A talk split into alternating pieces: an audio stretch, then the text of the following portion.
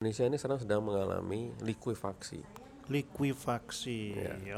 Oke. Hmm.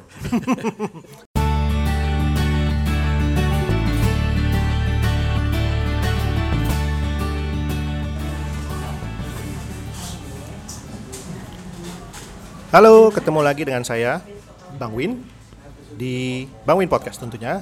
Dan kali ini uh, ini teman lama saya uh, ketemu dengan saya di sebuah kafe di Bida, Bida Bintaro. Di sini ada Mas Sidarta. Ini teman lama saya. Dom dulu pernah bikin podcast juga bareng saya.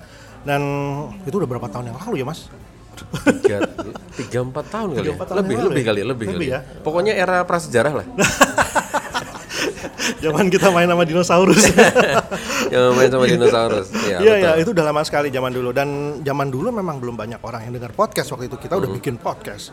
Memang eh, kita berdua nih kalau membuat sesuatu yang selalu Ahead of the curve. Ahead of the. Iya mas ya. Nah, eh, dulu saya kenal dengan Mas eh, Sidarta itu di satu acara yang membahas tentang mainan waktu itu ya zaman Ya. dulu. Nah, Mas Sidarta ini spesialisasinya ada di bidang marketing dan sales nih zaman dulu tapi sekarang saya pengen dengar nih ceritanya coba Mas eh, Sidarta boleh kak memperkenalkan diri dulu buat para Ya. pendengar podcast kita nih Baik, terima kasih Bang Win. Jadi eh, ya ini menyenangkan sekali kita ketemu lagi ya setelah Ya. sekian lama. Eh, kita ketemu di era prasejarah. Sekarang kita masuk di zaman apa? Zaman sejarah ya. zaman sejarah dibuat. Nah, zaman sejarah dibuat. Ya mungkin menarik ya. Ya, saya sendiri latar belakangnya memang eh, dari dunia profesional eh, berkecimpung hampir 18 tahun ya Udah lama ya terutama ya eh, lebih banyak di sales memang meskipun punya background juga di production PPIC di marketing di banyak perusahaan lokal eh, nasional maupun perusahaan, perusahaan multinasional nah 9 tahun terakhir ini eh, saya eh, berbisnis sendiri dan fokusnya lebih banyak pada consulting coaching dan training Oh, Ya. oke, oke. dan ini inilah yang mungkin juga menjadi apa ya tempat saya me- mencoba menandai apa penanda-penanda zaman gitu ya yang mungkin mem- membawa kita ke pertemuan hari ini. Mantap. nah, kita bicara masalah tadi penanda zaman Hmm. itu tentunya tanda zaman itu bisa kita lihat kalau ada perubahan bukan mas? Hmm. Ya, ya. Kalau nggak ada perubahan ya nggak Ya, kelihatan tuh. nggak kelihatan, betul, betul. Nah ini kalau ngomongin perubahannya sangat menarik karena eh, kemarin kita udah sempet tektokan beberapa Hmm. kali dan ada beberapa topik yang yang yang kayaknya bakal bakal seru kalau kita obrolin yaitu tentang perubahan itu sendiri Hmm. Ya. yaitu disruption ya mas. Ya. Nah eh, gimana menurut mas eh, Sid kalau bicara tentang disruption? Ya, eh, saya senang ada banyak pihak yang mengangkat eh, soal disruption karena saya sendiri sudah hampir tujuh tahun Hmm, hmm. itu me- me- apa, mengikuti eh, secara spesifik lima lima tren ya lima tren besar yang saya lihat kok sepertinya ke depan akan mengubah wajah Indonesia Oke. ya kan, mengubah wajah Indonesia jadi selama lima tahun saya mengikuti tren itu satu dari sisi kelas menengah kita Hmm, hmm.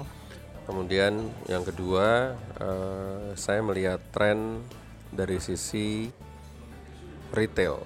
Ya. Oke. Dan memang ternyata ter- terbukti ini tiga tahun nanti kita kita akan bicara lebih Ya, jauh ya, di situ ya. Ya. Yang ketiga itu bicara mengenai eh, internet sebagai katalisator. Hmm, Ya, internet teknologi internet atau teknologi digital lah Hmm, kalau mungkin ya. Sebagai katalisator. Yang keempat itu bicara mengenai orang-orang muda yang mengambil menjadi pengambil keputusan atau pencipta tren atau menjadi panutan Oke. ya. Oke. Itu saya udah melihat dari lima tahun yang lalu. Lebih bahkan mungkin 5 6 7 tahun yang lalu lah. Dan terakhir adalah ya, saya melihat tren itu dari sisi komunitas karena ini Indonesia ini unik ya. Jadi komunitas-komunitas ini jadi kayak yang kemudian saya sekarang me- menghipotesis eh, menjadi uh, asal muasal para social entrepreneurship. Jadi Hmm, selama li- lima sampai tujuh tahun ini, tadi saya dulu dulu uh, mungkin tujuh tahun yang lalu saya masih melihatnya uh, tanpa terstruktur ya. Tapi Ya. kemudian makin ke sini makin melihat itu terstruktur. Nah, Hmm, hmm. kembali soal pertanyaan disruption tadi, saya melihat ya lima lima tren inilah yang kemudian sekarang ini kita kenal sebagai uh, disruptions gitu loh. Oke. Ya, eh, bagus bahwa topik ini kemudian mulai dibicarakan oleh banyak orang gitu ya. Tapi mungkin saya punya sudut pandang yang lain nih mengenai disruptions. Gitu. Nah, ini nih yang menarik. Karena gini Mas, ini ini saya senang senang kenapa? Karena banyak eh, semenjak nih kita bicara aja ya, semenjak semenjak Pak Renald Kasali membicarakannya dengan buku yang berseri-seri itu, Ya. itu eh, saya sendiri banyak mendengar ketakutan yang ada di para bisnismen bisnismen yang memang sudah menjalankan bisnis mereka sudah sejak lama, sejak lama. Ya. Nah, pertanyaannya adalah apakah pendapatnya Pak Renald itu adalah satu-satunya pendapat yang harus kita pegang atau tidak? Kan itu yang penting. Kenapa? Karena saya pikir nggak mungkin dong. Kita ada berapa ratus kepala nih di Indonesia, ya kan? Ada berapa puluh juta bisnismen, masa hanya menerima kan gitu? Kan? Pasti ya. mesti ada pandangan lain. Karena ini yang ini yang paling penting. Jadi kita bisa membalance semua dan kita bisa memetik semua uh, pendapat-pendapat tersebut Ya. supaya kita bisa lebih ya, maju ke depannya juga bisa lebih yakin. Setuju, setuju. Gitu. Nah, gimana nih menurut Mas uh, Mas Sidney? Saya saya mau yang mau yang mau saya katakan adalah bahwa disruption itu belum seberapa, Belum seberapa. belum seberapa. Jadi Maksudnya belum seberapa dibandingin apa nih?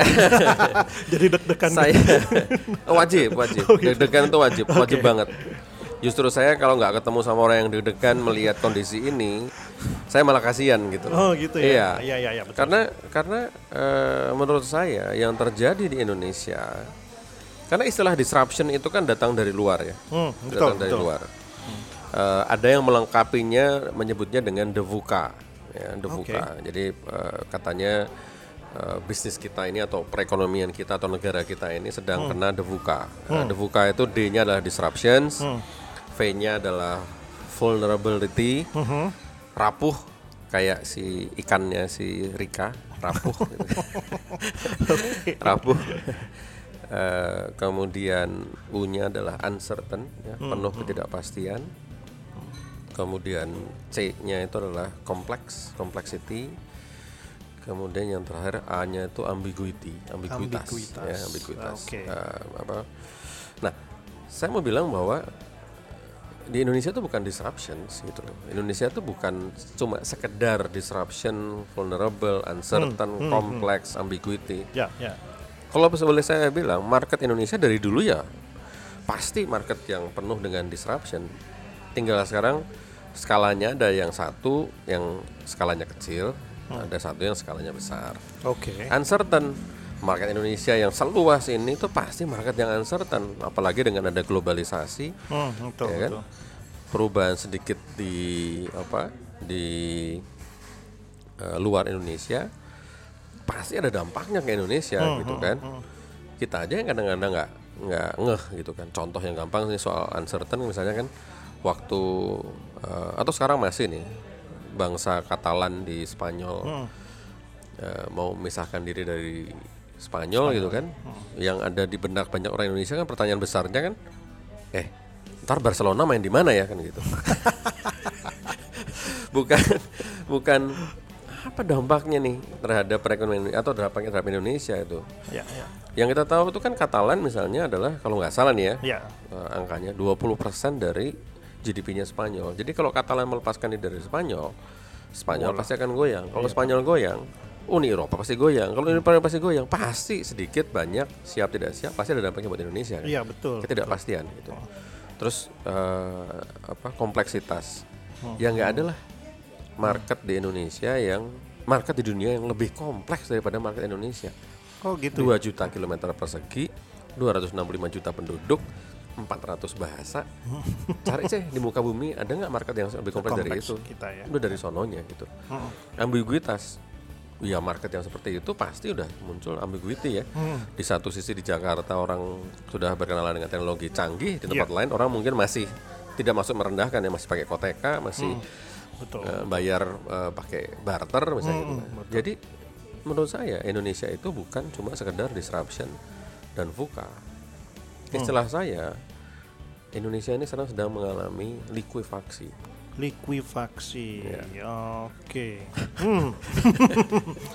Tuh begitu Mas begitu Mas Sidarta menyebutkan kata tersebut ingatan sebayangan saya tuh ke gempa yang di Palu dan Donggala gitu. Itu ya, seperti yang ngambil dari betul, betul. Oke, Saya bisa menemukan akhirnya menemukan istilah yang menurut saya lebih pas Oke. daripada sekedar tanda kutip ya, cuma Disruption disruption, tadi ya. Likuifaksi. ya. Hmm. Coba sekarang gini, ini pasti banyak yang banyak yang apaan sih kok jadinya likuifaksi gitu. Nah, ini bisa dijelaskan lebih jauh nggak Mas? Siap. Jadi eh, saya melihat eh, tren-tren yang terjadi di Indonesia ini itu efeknya bukan cuma sekedar gempa dua skala Richter atau tiga skala Richter. Kenapa sih efek dari efek dari gempa dua sampai tiga atau empat skala Richter? Ya bangunan mungkin akan bergoyang, Hmm, tanah bergoyang gitu Iya. ya. Bangunan mungkin retak Enggak. gitu kan ya. Tapi setelah gempa berakhir, ya tanahnya kembali tenang, Hmm, hmm. bangunan retaknya kembali bisa dihuni, kan gitu. Iya, betul. Ya. Itu itu yang eh, saya melihat orang me- menanggapi kata disruption. Iya sih, orang takut gitu ya. Orang eh, khawatir gitu ya. Hmm. Tapi menurut saya tak- takutnya tuh kurang gitu loh. Khawatirnya tuh kurang. Oh, itu ya. Hmm. eh disruptions tadi itu membuat orang kembali pada doa. Oh, Pasti seperti gempa kan? Waktu gempa kan orang berdoa ya Allah gimana gitu kan supaya segera berhenti gempanya gitu. Dan benar kemudian gempanya berhenti gitu. Iya. Ya semoga ini gedungnya nggak rubuh dan bisa ditempati lagi. Ya dalam banyak kasus gedungnya cuma sekedar retak dan orang bisa tinggal di sana, bisa berkantor di sana lagi. Jadi disruption itu menghasilkan orang yang berdoa, berharap dan berdoa gitu loh. Strategi mereka adalah berharap dan berdoa gitu kan. Kurang menurut saya gitu. Iya, itu menurut saya kurang gitu loh. Eh, saya melihat bahwa yang terjadi di market Indonesia, di Indonesia secara keseluruhan itu bukan cuma sekedar gempa yang menggoyang bangunan, Hmm, hmm. membuat bangunan retak. Enggak. Yang terjadi di Indonesia adalah tanah tempat bangunan itu ada itu sudah tidak berbentuk lagi, sudah tidak mungkin lagi didirikan bangunan di situ. Oke.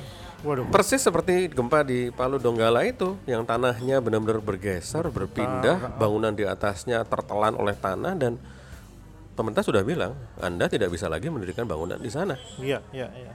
Anda harus pindah. Nah, yang terjadi di Indonesia ini juga menurut saya sama. Banyak orang-orang itu, banyak perusahaan, orang, individu, profesional itu harus pindah, bukan cuma sekedar berharap berdoa semoga gempa ini segera berakhir gitu. Oke, hmm, ternyata memang benar-benar menyeramkan juga ya. Ya, artinya apakah ini bisa disebut? ah, tolong dikoreksi kalau saya salah. Apakah yang bisa disebut apa bang ah, ah, bangsa kita ini ah, kurang kurang peka atau gimana? Ya, se- mungkin tepat ya kata kurang peka itu ya. Artinya em, agak terlena, Agak terlena agak ya. terlena menurut saya. Ha. Yang kedua juga eh, sialnya, mungkin Iya. sialnya yang menghadapi situasi ini itu cuma kita dan mungkin satu dua tiga negara lain aja. Oke. Ya. Jadi Hmm. mencari referensi di luar itu nggak ada. Hmm. Jadi mencari apa sih dampaknya eh, dari tren-tren tadi yang saya bilang terhadap satu bangsa yang terdiri dari 265 juta orang tinggal di wilayah eh, 2 juta kilometer persegi, 17 ribu pulau dengan infrastruktur yang baru saja mulai dibangun, eh, internet yang biarpet seperti listrik iya. gitu kan ya. Apa dampaknya gitu? Cari referensi di mana-mana itu nggak ada gitu. Jadi dalam banyak hal memang tadi ya selain terlena yang kedua ini memang kita memang harus eh, harus belajar sendiri harus menemukan Solusinya sendiri. ya? solusinya sendiri. Kita nggak bisa minta tolong orang lain, orang lain nggak ngerti gitu loh. Karena di tempat lain nggak ada yang kayak begini. Betul. Jadi artinya kalau kalau kalau kita, saya bisa sedikit simpulkan Hmm. bahwa artinya uh, bangsa kita juga selalu head of the time ya. Oh iya, iya, iya. konteks Ya, konteks dalam ini konteks juga ini, dalam konteks ini kita memang harus eh, ya ilmunya pun sebenarnya di luar mungkin juga belum berkembang terlalu banyak. Saya Hmm, coba cari eh, apa ilmu-ilmu yang berkaitan dengan bagaimana sih eh, orang membaca sinyal, sinyal atau istilah tadi kita penanda zaman tadi, kemudian Hmm, membuat skenario-skenario gitu ya. Itu nggak nggak ada. Hmm, Saya coba cari-cari di Coursera gitu ya. Mm-mm. Ada nggak sih ilmu yang ya eh, bisa kita mempelajari pelajari ya. Apa bukan masa lalu ya kalau Iya. masa lalu kan ada ilmu sejarah gitu Iya. ini enggak yang sekarang ini tanda-tanda sedang terjadi lalu eh, menggabungkan fakta-fakta itu data-data itu naik jadi informasi naik Hmm, jadi knowledge terus kemudian membuat skenario-skenario lalu memilih mana yang paling mungkin terjadi lalu bersiap untuk skenario itu gitu Hmm, hmm. itu nggak ada ilmunya gitu loh. Jadi ada sih beberapa nyebutnya ada yang namanya scenario thinking, ada yang namanya future Iya. thinking itu kata kata kunci ya kalau Iya, bicara ya. Scenario thinking, future thinking gitu. Tapi itu Hmm. juga belum banyak gitu. loh. Di luar aja belum banyak. Apalagi di Indonesia. Iya, iya, iya. Jadi ini sesuatu yang baru yang harus kita pelajari sendiri dan menciptakan kerangka-kerangka berpikir dan kerangka kerja sendiri. Iya.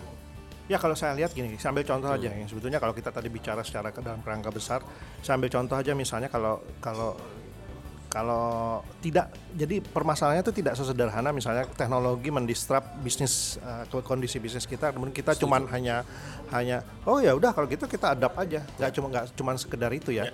Cuman lebih mendasar artinya. Ada yang jauh lebih mendasar dari Nah, kalau kita bicara uh, fundamental tadi, kalau kita tadi ambil analogi uh, contohnya adalah tanah tadi. Tanah seperti apa atau uh, atau seperti apa yang fundamental yang yang harus kita perhatikan pada saat ini. Ini konteksnya dalam arti kata yang membuat kita terlena tadi sehingga hal-hal tersebut jadi tidak, tidak kita perhatikan. Itu Oke. menurut Mas Sidarta gimana? Yang pertama yang harus kita perhatikan dan ini orang cuma ngomong istilahnya doang gitu. Iya, iya.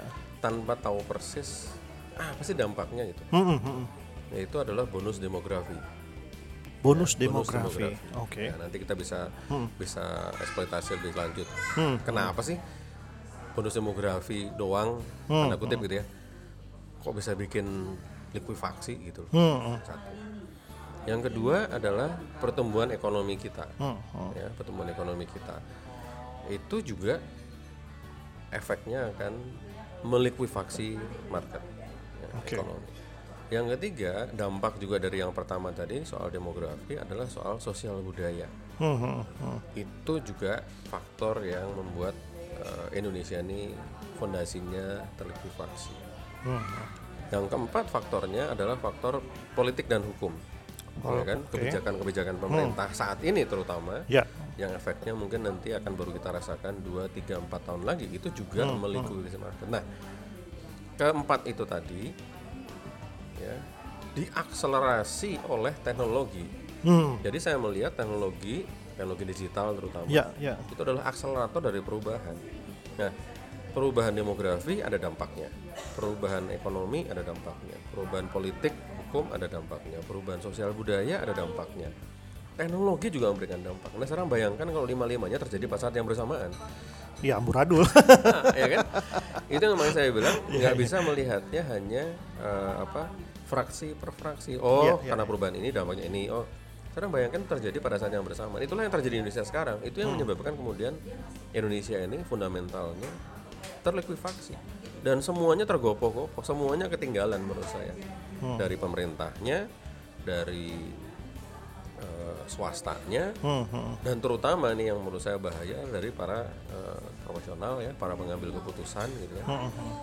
Eh, karena kemudian nanti yang terdampak ya kita kita masyarakat masyarakat secara umum nah ini menurut saya harus ada yang me- apa ya me- bukan cuma sekedar mengingatkan sih. Kalau mengingatkan kayaknya kan eh ingat loh gitu. Enggak sih ini harus levelnya harus menakut-nakuti sih menurut saya.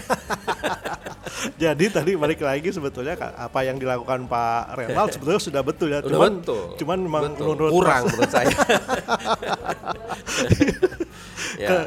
Ya ya ya ya. Ya tapi saya saya sih bisa mengerti kenapa Iya. kurang. Karena kita sih ber- beberapa kali kan kita nih dulu pernah nggak tahu Mas Sid udah pernah dengar istilahnya bahwa kita ini bangsa pelupa. Ya, ya, setuju, setuju, setuju. Iya kan? Kita kita udah kesandung nih. Tapi lupa bahwa kita pernah Pernah kesandung. kesandung ya, kesandung lagi. gitu ya. Bakal kesandung lagi baru ingat, oh iya dulu pernah kesandung ya. Pernah, iya. Habis itu lupa lagi. Tapi saya gitu. setuju, saya setuju. Itu itu saya setuju. Bangsa pelupa dan pemaaf. Termasuk memaafkan diri sendiri terlalu mudah gitu. Terlalu mudah, iya betul. Dan itu membuat kita jadi ya tergopoh-gopoh tadi. terlena dan kita tergopoh-gopoh. Tergopoh akhirnya Iya. begitu ada perubahan yang begitu besar dan ini. Ya, ya. Dan ini uh, dan tadi kan kita bicara bahwa oke kalau kita ngomongin istilah dengan istilah disruption itu kan artinya seolah-olah ini ada kaitannya dengan teknologi kan sebetulnya. Tapi sebetulnya kan tidak kan. Iya. Disruption itu terjadi dari dari ada di setiap sudut Betul. betul, betul. dari, dari kehidupan kita sebetulnya. Betul, betul, Mulai dari sekarang misalnya kita kita sudah memindahkan hampir semua semua kehidupan kita di sebuah sistem yang yang yang yang mulai mengambil alih uh, kehidupan kita sekarang Ya. misalnya teknologi digital Betul, misalnya. betul, Itu betul. dari sisi yang sederhana aja. Betul. Nah, kemudian merambat ke hal-hal yang kaitannya yang lain. lebih lebih penting. Iya kan begitu dan, kan? Dan artinya nggak bisa lagi menunggu sih. Mungkin itu yang maksud saya. Kenapa? Iya. Kenapa eh, saya merasa eh, podcast ini menarik gitu ya? Karena Hmm, eh, mengajak orang-orang yang mendengar dan semoga nanti akan makin banyak yang mendengarkan gitu ya bahwa kita nggak bisa nunggu nih nunggu arahan dari misalnya nih orang tua kita guru kita dari para pejabat dari para apa namanya eh, pemuka-pemuka dari para eh, pebisnis kita tunggu deh dari mereka ntar mereka bilang apa kita ikutin, Kita ikutin. menurut saya nggak bisa Nggak bisa gitu Nggak ya. bisa. Anda ini, ini udah sampai di titik di mana Anda harus belajar juga menemukan jalannya sendiri gitu. Itu Gitu sih ya. penting nih menurut saya. Ada contoh nggak kira-kira mas? Ini balik lagi sebetulnya. Eh, saya menemukan kita, masyarakat kita ini kebanyakan kalau nggak dikasih contoh tuh jadi jalannya lambat sekali. Ya. Bahkan kadang-kadang nggak mau jalan. Ya, ya, ya. Nah, kita mungkin beri- mungkin ki- kita bisa kasih contoh, walaupun memang susah ya. Hmm. Ya, tapi ya. kayaknya banyak juga yang udah kesandung kan sebetulnya. nah, ini bisa dijadikan sebuah contoh mungkin kali Ya. kan mas untuk teman. Bisa nggak kasih contoh Ya. beberapa? Contoh yang paling simpel ini kejadian baru minggu lalu nih. Ya, gimana, Ya, Mas? Saya sama anak saya Hmm, lagi kita lagi apa jalan berdua anak saya eh, baru kuliah di tingkat tiga, Hmm, ya, eh sorry tingkat ya tingkat tiga semester lima. Eh, lagi jalan gitu terus eh, dia kayaknya terima telepon dari temennya gitu kan. Terus habis itu dia bilang eh, sama saya, Pak, Papa ini gimana sih? Kemarin itu ngasih tempat ngasih referensi tempat magang saya nggak bisa nyebutin nama perusahaannya gitu Ya, ya, ya. itu sekarang diprotes tau nggak sama Greenpeace kan nggak enak sama sama temenku gitu loh sekarang dia malu itu masa kerja di tempat yang eh, apa, diprotes sama Greenpeace I mean, generasi saya dulu ya dapat tempat magang itu udah syukur benar? Iya betul. ini sekarang mereka itu sangat peduli ya dari generasi sekarang kan kan kadang orang lihatnya tidak terlalu pedulian gitu ya kayak sibuk sama dirinya sendiri Iya, gitu. nggak mikir masa depan gitu loh. Menurut saya itu terbalik gitu. Itu yang saya bilang tadi likuifaksi juga tuh di keluarga gitu kan. Iya betul betul. itu saya kaget sekaget kagetnya oh ups gitu kan ya anak saya ini lagi mempertaruhkan lehernya nih dibuka temennya. Ini kan gara-gara bapakmu nih yang ngasih tempat ini. Sekarang gua magang di tempat yang ternyata diprotes sama Greenpeace. Karena dianggap eh, eh, apa eh, mendukung deforestasi gitu loh. Oh oke. ya kan? Iya, itu di iya, sana saya melihat ada beberapa level ya yang terkait tadi dengan perubahan. Satu dari sisi demografi. Hmm. ya kan? Masyarakat kita makin muda nanti kita bisa eksplor. Iya, Ya, ternyata anak-anak muda itu ya begitu terkait dengan sosial budaya. Betul. dulu kita nggak kayak begitu loh. Kerja mah kerja aja gitu mau gue pikirin gitu kan ya. Ini sekarang nggak ini cuma magang doang loh. Iya baru magang magang aja. doang aja udah begitu. Bayangkan nanti pada waktu mereka milih tempat kerja. Iya itu nggak kebayang sih sebetulnya gimana. jadi sebagai pemilik bisnis anda nggak bisa main-main sekarang dengan isu lingkungan dan iya lain betul sebagainya. betul. ya kan? Mereka sangat peduli pada masyarakat sekitar. Dari sisi ekonomi ya tadi juga nggak bisa kita sekarang cuma sekedar apa bicara soal duitnya gitu kan ini generasi yang sekarang ini sangat peduli dengan bagaimana cara anda mendapatkan uangnya gitu kan merusak lingkungan apa enggak gitu loh Betul. Ya, eh, kalau kita dengar kalau kemarin kita dengar misalnya wali kota Denpasar saya lupa atau gubernur Bali ya sama eh, wali kota Bogor misalnya mulai udah mulai ban plastik, gitu ya Plastik ya.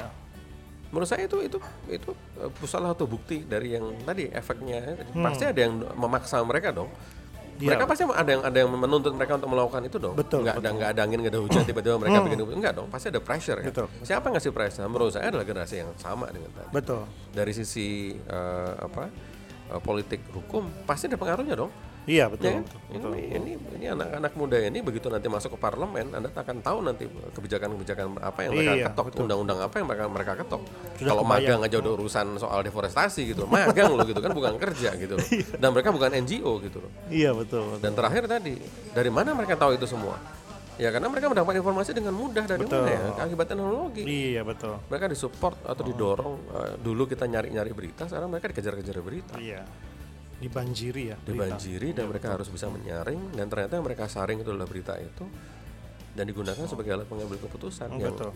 mungkin generasi dulu kita dulu mungkin mana peduli gitu. Iya nggak peduli. Yang penting kan kita dapat kerja aja, udah pengalaman kerja, udah masuk ke udah keren kelihatannya.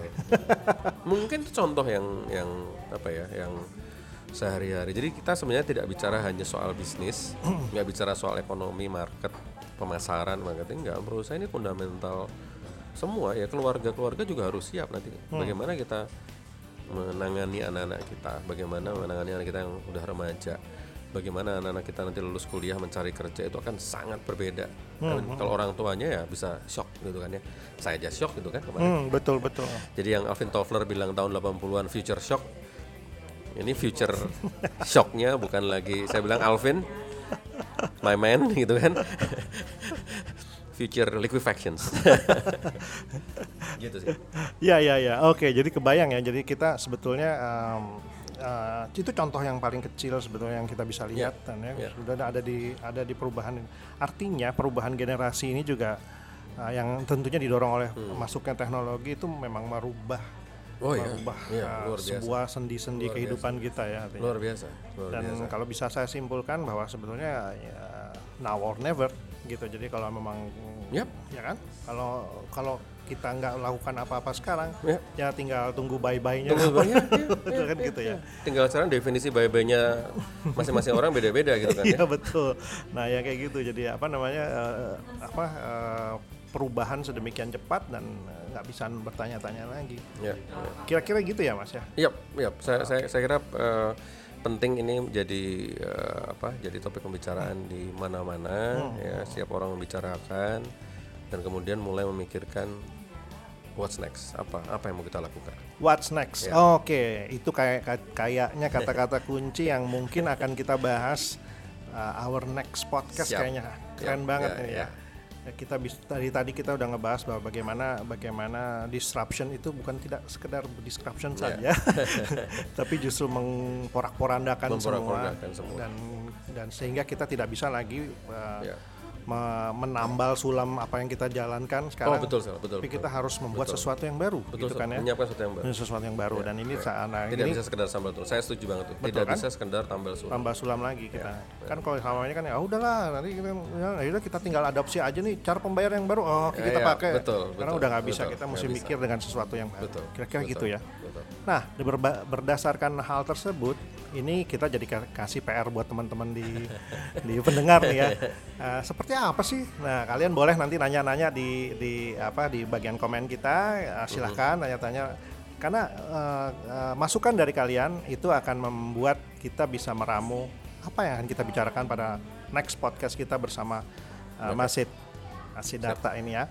Dan perlu di, perlu diketahui kita akan merencanakan ini uh, ngobrol-ngobrol ini Lebih itu sering. akan leb- lebih sering dan lebih continue. Jadi kita bisa uh, bi- ngobrol banyak lah ya. Ya. Gitu ya Mas It ya. Siap. Oke. Untuk saat ini mungkin kita sudahi dulu Luar biasa. Keren banget, keren banget. Dan- Senang saya bisa sharing. dan kita dan kita akan ngobrol-ngobrol dengan lagi dengan Mas Siddhartha dengan topik-topik yang jauh Hmm. lebih uh, ngulik. Ini akan menarik karena awalnya aja udah keren ya. Dan mudah-mudahan kita bisa mendapatkan waktu lagi yang Mas. Uh, Ya. Mungkin ada ada yang ingin disampaikan. Ya, kalau buat saya, eh, saya ingin supaya kita ini semua bersiap-siap, ya kan. Waktu kita ini pendek, ya waktu kita ini pendek. Eh, perubahan itu berjalan mungkin dengan kecepatan yang tidak pernah kita bayangkan sebelumnya.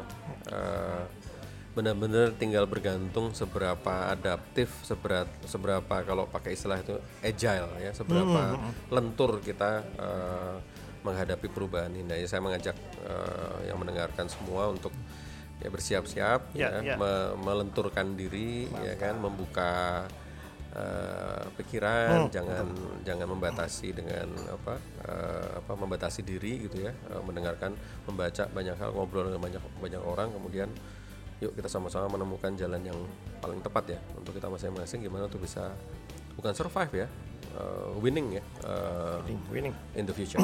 Betul ya. betul. Oke. Okay. gitu.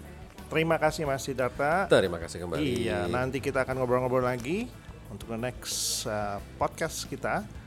Uh, bila ingin dengar silahkan dicari. Kalau di, di, di podcast saya bisa di Bangwin Podcast. Mm -hmm. Tinggal dicari aja itu di mana-mana sudah ada di Spotify sudah ada di uh, iTunes sudah ada juga jadi silahkan tinggal dicari.